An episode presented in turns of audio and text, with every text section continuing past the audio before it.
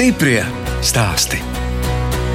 Tu nevari nopirkt jebkuru kultūras namu, sapiņu vecu žiguļus vai moskvičus, jeb citus chlāmus un domāt, ka kaut ko nopelnīsi. Ja šo visu projektu uzlikt uz papīra kā biznesa plānu, viņš noteikti nestrādātu.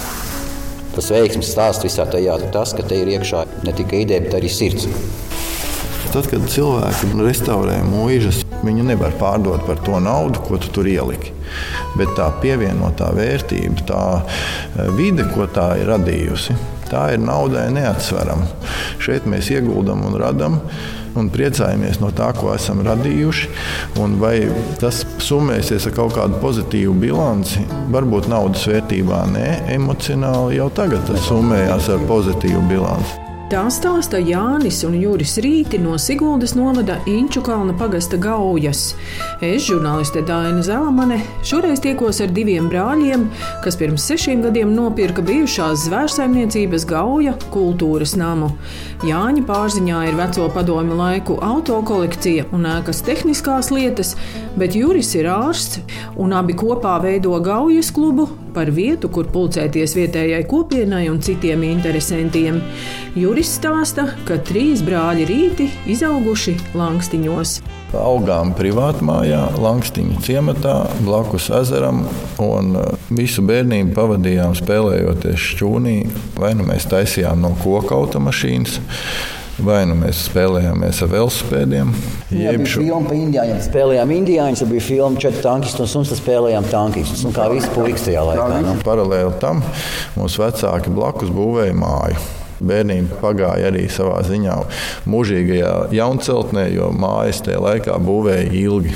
No 79. gada, laikam, kad sāka būvēt māju un pabeidza vēlos 90. gados. Līdz ar to mēs visu bērnību pavadījām jaunceltnē. Bet tā jau jūs arī kaut ko iemācījāties, skatoties, kā vecāki tur būvējas.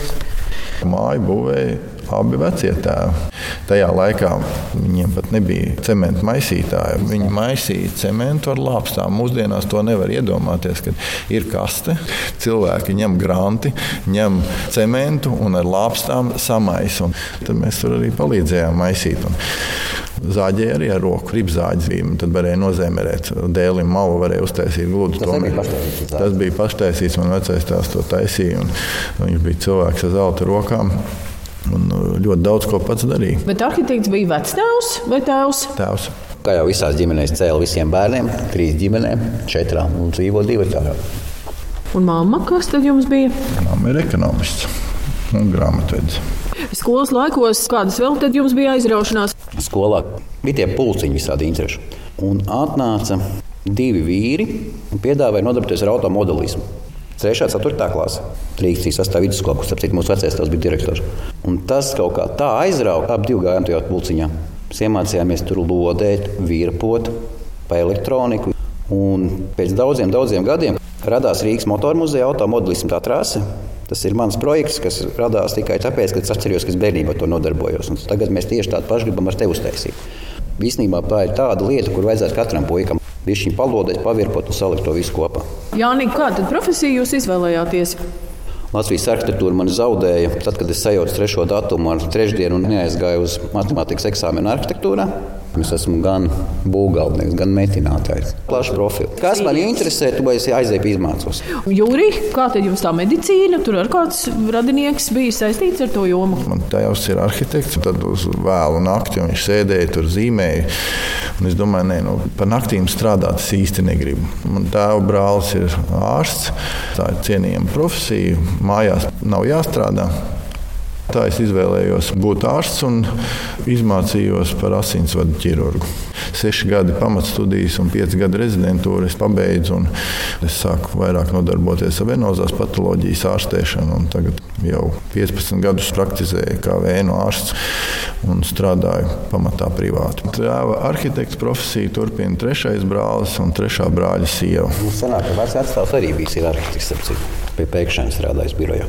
Pirms sešiem gadiem reklāmu, ka Gaujas kultūras nams tiek pārdots, garām braucot pamanīja Jānis Rīts. Savā laikā man stāvēja automašīnas tādā tirzniecības centrā Azūrs, kur bija kādreiz ar žiguļu veikalu.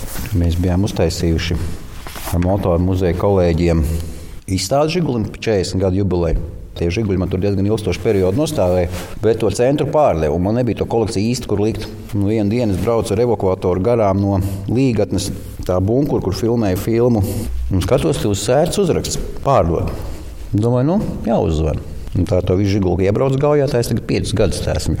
Jānis Rīts kultūras namā gauja atbild par tehniskajām lietām un ir uz vietas ikdienā, bet brālis Juris turpina strādāt kā ārsts. Pašreiz mana tā, tā profesionālā karjera ir uzņēmusi tādu individuālu kursu. Tagad es esmu pats sev priekšnieks un pats veidoju savu klīniku, savu uzņēmumu.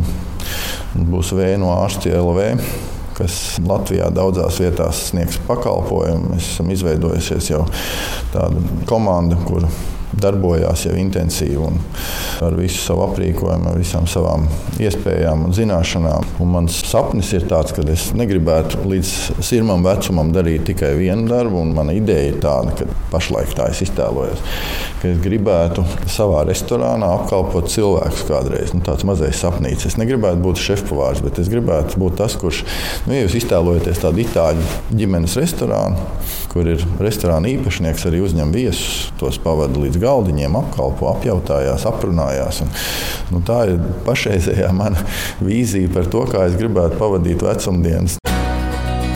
Stiprie stāstī!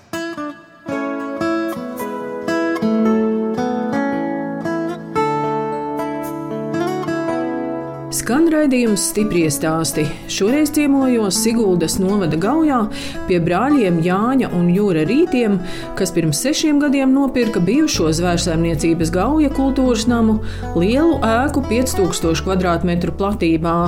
Sešu gadu laikā ēkai salaboti jumti un izremontēta mazā jeb kino zāle. Profesionālie visi tie projektori mums nav, bet tādā amatieru līmenī. Mums ir bijuši arī tādi lekciju cikli par dažādām tēmām, kur cilvēki interešu grupas nāk un to informāciju rāda uz ekrāna un runā un uzstājās. Un to mēs te varam piedāvāt. Un un kāpēc tā ir klavieres? Domāju, ka kādam nebija vajadzīgs. Mēs, protams, kā vecu lietu glabātāji pieņēmām, un tagad ir mums klavieres. Un kā par godu tie ķirbīši tur uz skatuves? Rudens ir bagāts vīrs un ķirbīši, un tagad jau nāk arī Halloween. Nu, tiem mēs gatavojamies. Tad varam doties tagad Nu, tālāk. Dodamies iekšā.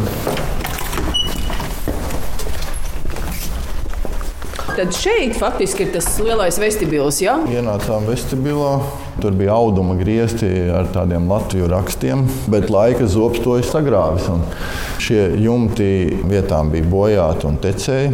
Tad mēs tos īsā laikā savedām kārtībā. Cik interesanti, ka niša, kur dienas gaisma atkal iespīd, vai ne? Jā, un arī tā ir sakopta, jo mēs nomainījām kupolus un atjaunojām tādus, kādi tie bija. Ja tur savā ziņā arhitektūras pērlīte ir šeit, tāda interesantāka tā vieta. Ēka vairs nebrūk, jo jumti ir atjaunoti, sakopti. Un šis ir tā ekspozīcija vieta, kur mēs eksponējam savas kolekcijas. Un te ir iesākumam bērnības velospēda kolekcija, kur nav varbūt ļoti sena, bet kaut kādas atmiņas raisoša. Tur dažas rotaļlietas vēl ir. Tur ir rotaļlietas, lielākas, lielākas mazākas, jā, un arī re, kur daļa no tramvaja. Un otra daļa mums ir vēl ārpusē, kas bija lielāka. Tā ir atceļojusi no Daugopils. un Ir Daugopilī ilgus gadus lietota. Nu, un tad, kad to gribēja pārstrādāt metāla lūžņos, tad mēs viņu izglābām un eksponējām. Un tas ir Rīgas vagonu rūpnīcas ražojums. Mm -hmm. Tā ir zināma vērtība. Garam arī savs stāsts, bet tieši tik garš nozāģēts. Ne no Daugavpils atvest tramvaju vagonu vajag divus autovedējus. Uz vienu ir vagons, uz otru riteņu, un tad tieši tik daudz paliek brīva vieta, lai tukšs kaiss nebūtu jāvērt, tad ar to priekšu izglābām. Doma savākt Latvijas vidū no katras pilsētas, kur ir sabiedriskais transports, viena vienība.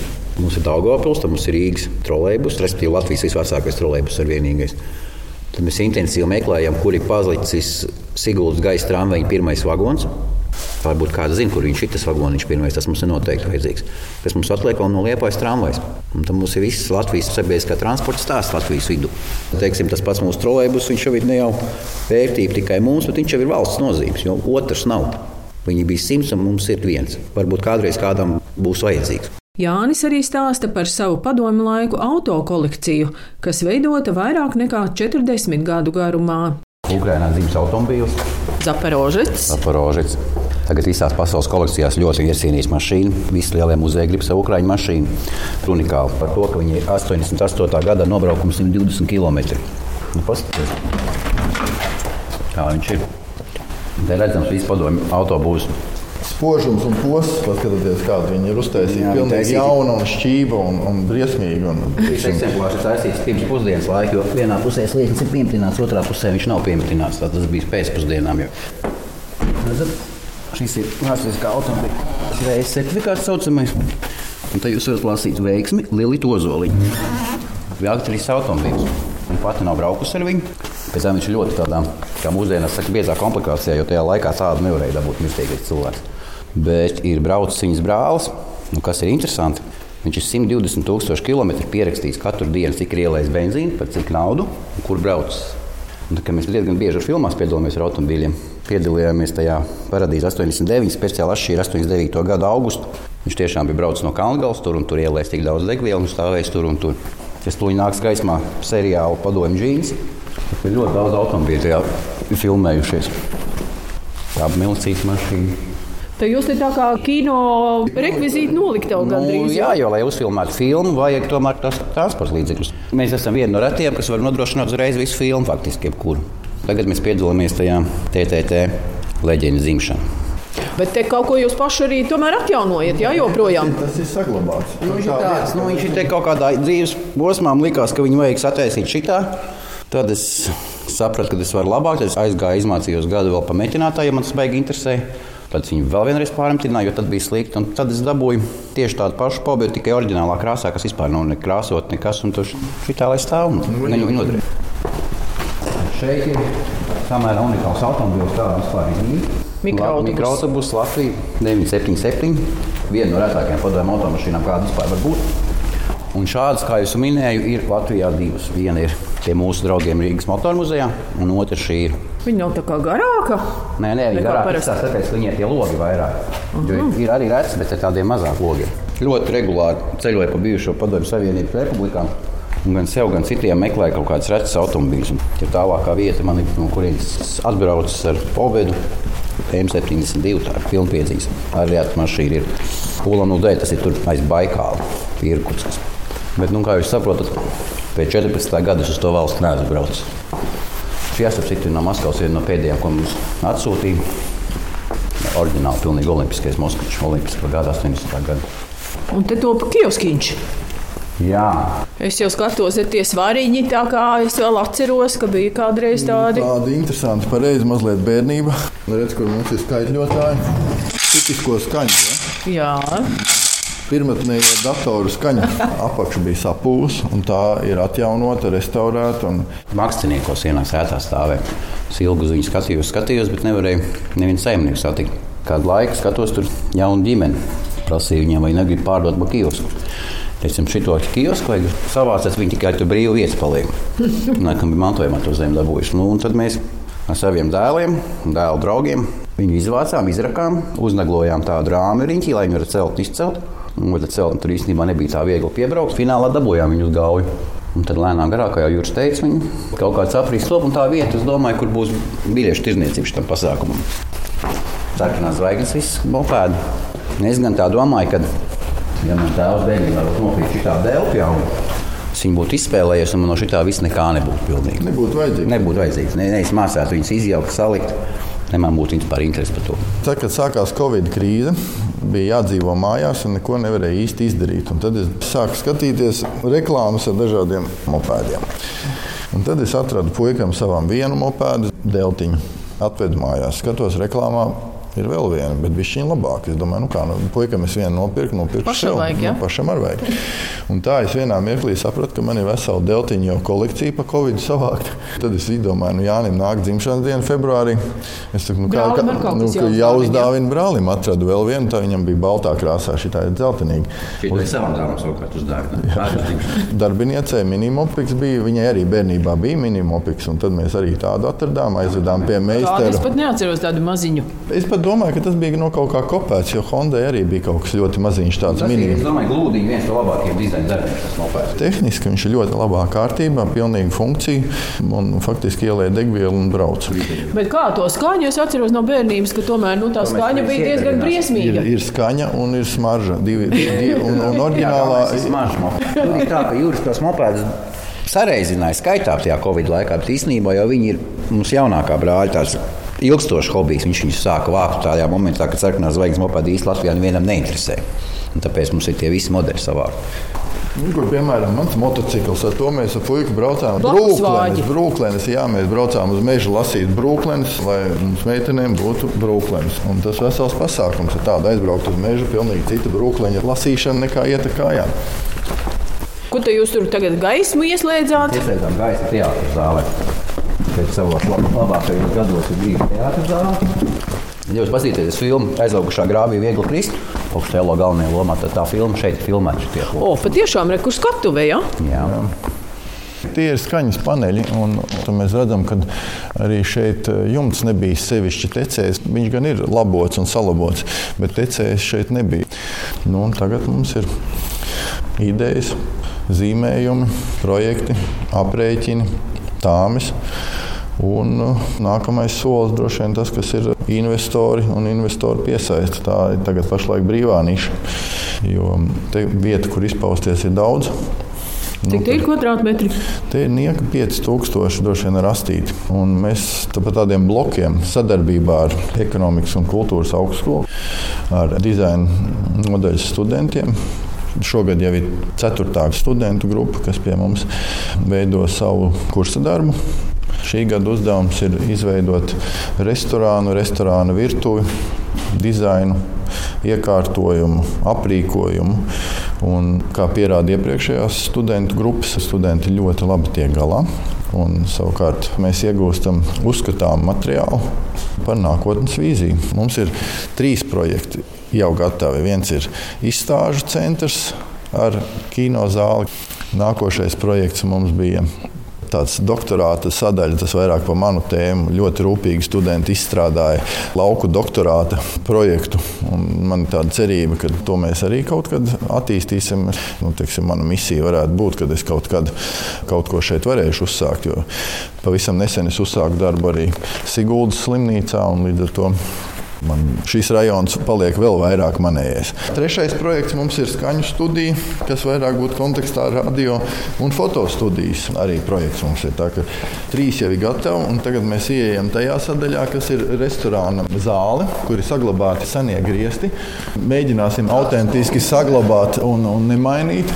Un studentu uzdevums ir izprojektēt virtuves daļu, bāra daļu Un šeit ierīkot iekšas restorāna daļu, un ārā uz terases būs mums ārā restorāna sadaļa.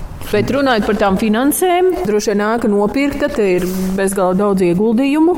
Ieguldījumi ir atbilstoši ienākumiem. Un pēdējos 15 gadus es esmu profesionāli realizējies, es uzskatu, ļoti veiksmīgi.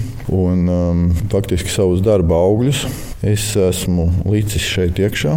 Mums ir veicies, ka mēs esam tikuši cauri bez kredītiem. Protams, ka gribētos kaut ko varbūt vairāk un gribētos kaut ko daudz vairāk, bet atkal mūsu latviešu teiksim, pieticība vai piezemētība vai uzmanība, jo nevienam jau nav noslēpums, ka mūs ir skārušas krīzes viena pēc otras, kredīti rada vēl papildus stresu. Nu, katrā ziņā es domāju, ka ja mēs sadalām projektus vairākos etapos, tad eh, katru mazo etapiņu attīstīt varbūt nav nemaz tik grūti. Stiprie stāsti!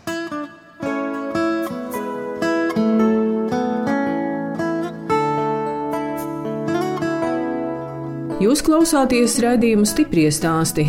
Turpinot ciemoties pie brāļiem Jāņa un Jūra rītiem Siguldas novada Inču kalna pagasta gaujā, kur viņi pirms sešiem gadiem nopirka bijušo zvērsēmniecības gauja kultūras namu.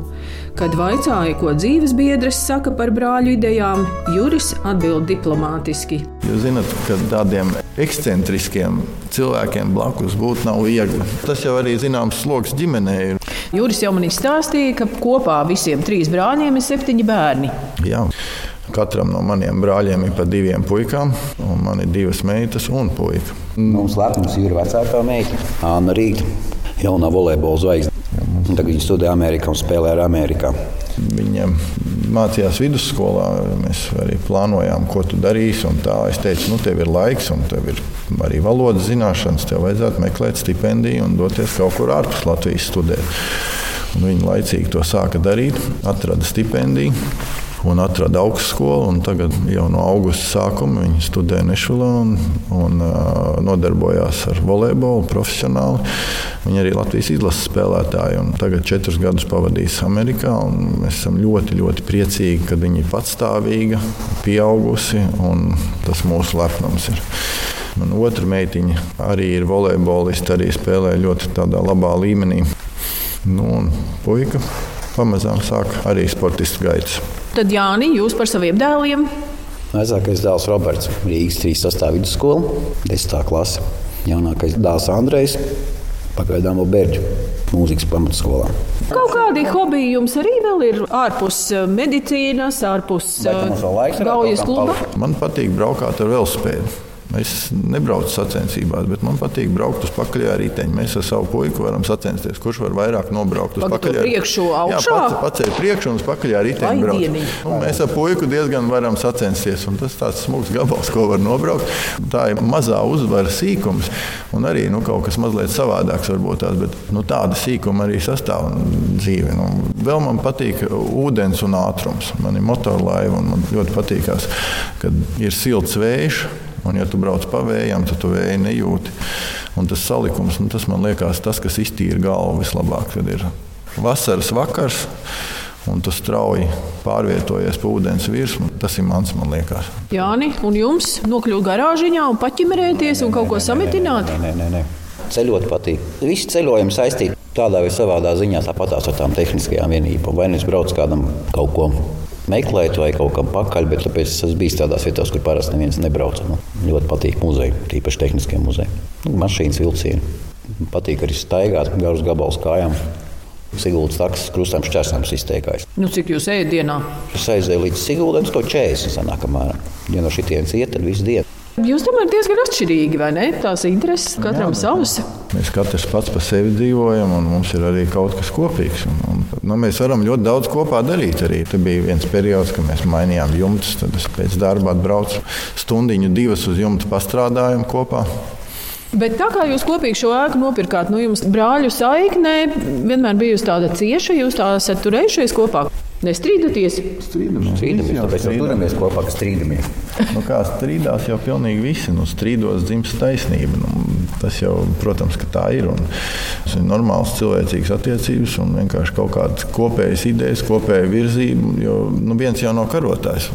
Un arī jauno paudzi mēs cenšamies iesaistīt un sakām, tiem, kam ir interese, kam ir vēlēšanās, nāk, dara, tad arī kaut kas notiks. Jo. Uz mūsu pleciem jau nākamajiem ir tikai jāpakāpjas, lai viņi var augstāk kāpt. Nu. Juris Rīts arī rāda pirms gada saņemto pateicību, kad Gaujas klubā Pasaules arhitektu dienā viesojās Latvijas arhitekti. Pērnbrāļi arī ieguva titulu Siguldas gada novadnieks gan par Gaujas kluba atjaunošanu, gan par to, ka veido kultūras un sabiedriskās aktivitātes vietējiem iedzīvotājiem. Mēs katru gadu cenšamies svinēt valsts svētkus klājam galdus, taisam cienastu, un vietējie iedzīvotāji nāk un to bauda. 18. novembrī mums ir pasākumi, citreiz Jāņus mēs svinam šeit, ka mums sadarbībā ar Ingu no Inčkalna tautas nama. Inga Freemana. Tāda jau tradīcija ieviesusies gadā vairākas reizes. Viņa veido un mēs piedalāmies velobraucienos. Tad atkal vietējie iedzīvotāji ar saviem velospēdiem veids noteikto distanci un parasti noslēdzās šeit klubā atkal uz ugunskura gatavotām vakariņām. Vēl es lasīju, ka jūs arī mājas kafejnīcas dienās iesaistāties. Tur man arī varbūt veidojās tā mana vīzija par to, ka es gribētu piedalīties kaut kādā restorāna biznesā, hobiju līmenī. Protams, jo tagad jau restorāniem ļoti grūti iet vispār Latvijā. Mēs jau otro gadu piedalāmies mājas kafejnīcās, un katru gadu mēs esam apkalpojuši mazliet vairāk par simts cilvēkiem, kas varbūt tās nav ļoti daudz, bet nav arī maz. Tas ir, mums notiek sporādiski. Un... Sporādiski. Tas tāds doktora teiciens, ja? Nu, tāds es esmu. Jā, piedodiet. Tādi izolēti pasākumi mums nav ikdiena. Mēs veidojam šo pasākumu nu, kā svētkus. Un šogad mums bija dzīvā mūzika, mums bija divu dienu garumā ēdināšana. Populārāk mēs paliekam dažādu brālību un klubu vidū. Jā, pie mums diezgan bieži brauc dažādas apvienības. Volkswagen vaboļu apvienība, kaut kāda Moskviča apvienība. Katru gadu vairāk tādu mums uzrunā, un mēs parasti arī viņus uzņemam. Tikko bija spēkratu tāda interešu grupa no Cēsīm atbraukusi vienu svētdienu. Un arī izveidojās kā mazie svētki. Pusdienas, un ekskursijas un stāsti, un tā mums veidojās draugu kopa. Un tas ir tas, ko es arī teicu, ka fiziskajiem objektiem viņiem ir tāda sekundāra vērtība. Vērtība ir tām attiecībām un kontaktiem, kas dibinās, kas veidojās. Rad... Tā kā jūs tās pusdienas pieminējāt, un arī mājas kafejnīcas dienas, jums jau ir kaut kāda sava ēdienu karte, kas ir jums tieši raksturīga. Mm, mēs ēdienu gatavojam šeit pat pagalmā uz dzīvās uguns. Tad jau no, kāda zupiņa. Ir zupiņa un ir arī lieliska lieta, kā čuguna panna, uz kuras var sagatavot burvīgus ēdienus. Malkas krāsnes kurināta. Cepti kartupeļi kaut vai uz uguns ir ļoti garšīgi. Kas vēl ir interesanti, mums ir arī samovārs ar oglēm kurināms samovārs. Un es jums teikšu, arī tēja no samovāra, kas ir kurināta ar oglēm, garšo mazliet savādāk. Dzīvē nav tikai tādas, kā teikt, eh, saulainās dienas. Ir tie periodi, kad ir spoži un skaisti un ir svētki, un tad mēs svinam, un tad viss ir paceltā garstāvoklī. Nu, arī šodien mēs esam savā ziņā paceltā garstāvoklī, jo arī jūsu klātbūtne mums ir zināma balva. Un ir tās pelēkās dienas, kad ir smagi, kad ir grūti, kad kaut kas neizdodas. Un tad kādreiz ir tādas situācijas, kad atnāk draugi un saka, zini, es tev nopļāvu zāli. Es redzēju, ka bija uzaugusi. Mums ir tāda draugu ģimene, noteikti jāapsveicina ģirt, ka cilvēki vienkārši nāk palīgā. Tas ir tik ļoti cilvēcīgi, iedvesmojoši un svarīgi. Kādreiz liekas, nu, kaut kādu sīkumu es tur izdarīju, bet mēs jau nezinām, cik mūsu sīkums kādam ir varbūt ļoti svarīgi. Šī ēka nu, tā nav privāta māja, tas nav kaut kāds tāds lokāls objekts, kuru var apdzīvot viens cilvēks. Šeit vajag organismu, šeit vajag cilvēkus, vajag daudz cilvēku, daudz ideju, daudz rosības, un tad šeit būs jautri un jauki. Šeit nāk cilvēki, nāk ģimenes, varbūt uz restorānu nāk apmeklētāji un labi papusdieno. Ir kaut kādas fotostudijas, skaņas studijas, kur nāk jauni radoši cilvēki. Ja tas realizētos, tas būtu superīgi. Tas ir mans mērķis un plāns kad tas attīstīsies, un šeit būs atkal cilvēku drūzmēšanās, pulcēšanās un radoša vide. Bet priekš turismu šī ir vienkārši pasakaina vieta. Kad šis projekts jums sāks nest naudu? Tā mēs zvanīsim uzreiz jums. naudu jau neviens nenes. Nu, viņi... Jā, no tā. Zinat, kā man viena profesora teica, kad es studēju, viņa teica, tu Juri, zini, nedomā par naudu. Tava nauda tevi atradīs. Un es pie tā arī ļoti pieturos. Ja mēs strādātu naudas dēļ, tad mēs būtu ļoti nelaimīgi. Un ir jādara tas, kas tev dara prieku. Un citi man saka, jā, tu pavēlti strādāt. Nu, nē, tas ir darbs. Protams, par darbu tiek samaksāts. Bet tam darbam, ko tu dari, ir jābūt tādam, kas tevi iepriecina. Un man ir laimējies, ka man iepriecina mans darbs ikdienā. Un arī šeit es atbraucu un veldzējos un fiziski varbūt izpumpējos, toties emocionāli to atgūst. Un tādā režīmā es domāju, ka es arī tāpēc varu būt veiksmīgs gan vienā, gan otrā. Jo šī ir nu, savā ziņā tomēr publiskāka, un tas ir mans tāds ieguldījums nākotnē, un arī reģionam un, un rajonam. Es par to esmu lepns.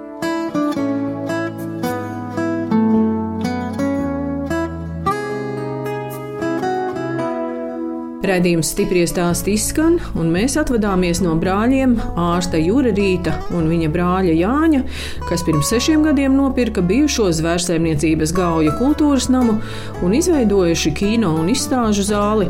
Klubā var apskatīt arī padomju auto kolekciju un citas vēstures liecības, pat tramvaju un trolēbusu.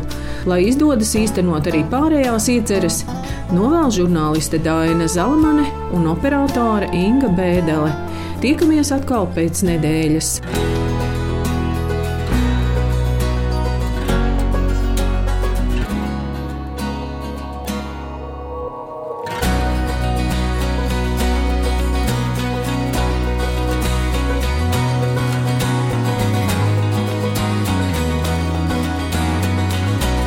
Stiprie stāsti!